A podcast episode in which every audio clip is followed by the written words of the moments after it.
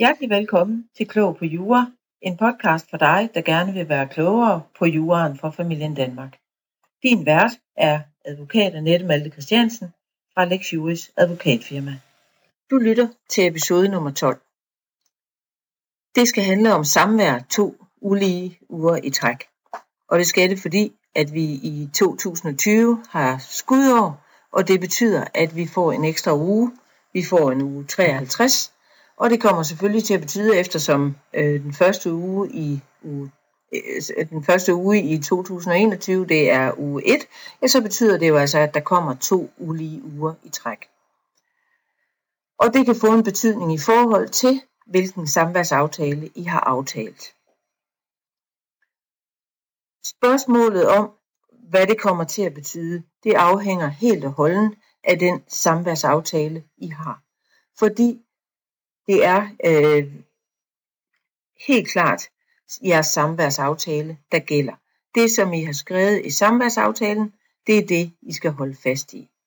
Hvis samværsaftalen den regulerer jeres samvær ud fra de lige og ulige uger, så vil øh, det gælde på den måde, at den, der har de ulige uger, kommer til at have børnene i, øh, i to uger i træk. Det er selvfølgelig det maksimale. Det kan også være sådan, at øh, det regulerer en anden form for samvær end lige 7-7. Så vil det være den form for samvær, der nu er gældende i en ulige uge, så vil det være den, øh, så, vil, så vil det være det samvær, der skal køres igennem i to uger i træk. Og, og som, øh, hvad skal man sige, som, som det ultimative vil det jo være sådan, at den ene forælder har børnene øh, fuld tid, to uger i træk, mens den anden forælder ikke ser dem. Og, og det helt korte svar på det er, at det er der ikke noget at gøre ved. Det er sådan, det er.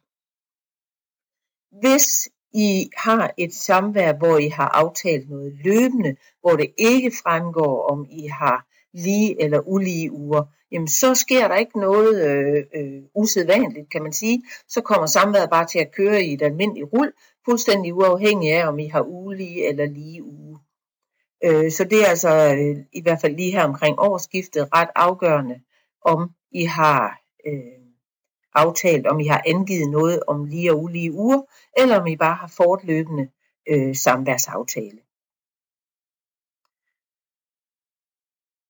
Som forældre, der kan I selvfølgelig gå ind og aftale noget andet, for at komme bedst muligt over den her nytårsperiode, øh, der er.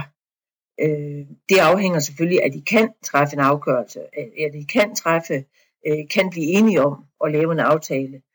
Øh, det er ikke noget, man skal forvente, at man kan få familieretshuset til at gå ind og træffe nogen afgørelse på som sådan. Så det kræver, det betinger, at I som forældre kan aftale jer ud af, at der måske øh, skal deles en uge 1, sådan så det kommer til at gå mere op. Nu taler jeg ud fra, at, at der måske er tale om hele uger, altså en 7-7-ordning. Som nævnt, så kan det jo altså også være sådan, at man øh, bare kører noget bestemt samvær, og så er det den type samvær, der øh, kommer til at finde sted i to ulige uger i træk. Men der, hvor det giver de største gnidninger og problemet, problemer, det er selvfølgelig der, hvor man kører 7-7 ordninger, og der er en af forældrene, der har de ulige uger.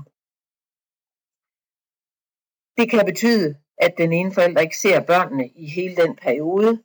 Det vil, som jeg nævnte før, i udgangspunktet ikke føre til nogen ændring af samværet, og det vil heller ikke udløse noget erstatningssamvær for den forælder, som ikke ser børnene øh, i den periode. Så det vil sige, hvis man er øh, den forælder, der måske en 7-7-ordning har børnene i de lige uger, jamen så vil man være afhængig af, at den anden forælder er villig til at indgå en aftale omkring det. Det var det, jeg ville runde i forbindelse med samvær to ulige uger i træk.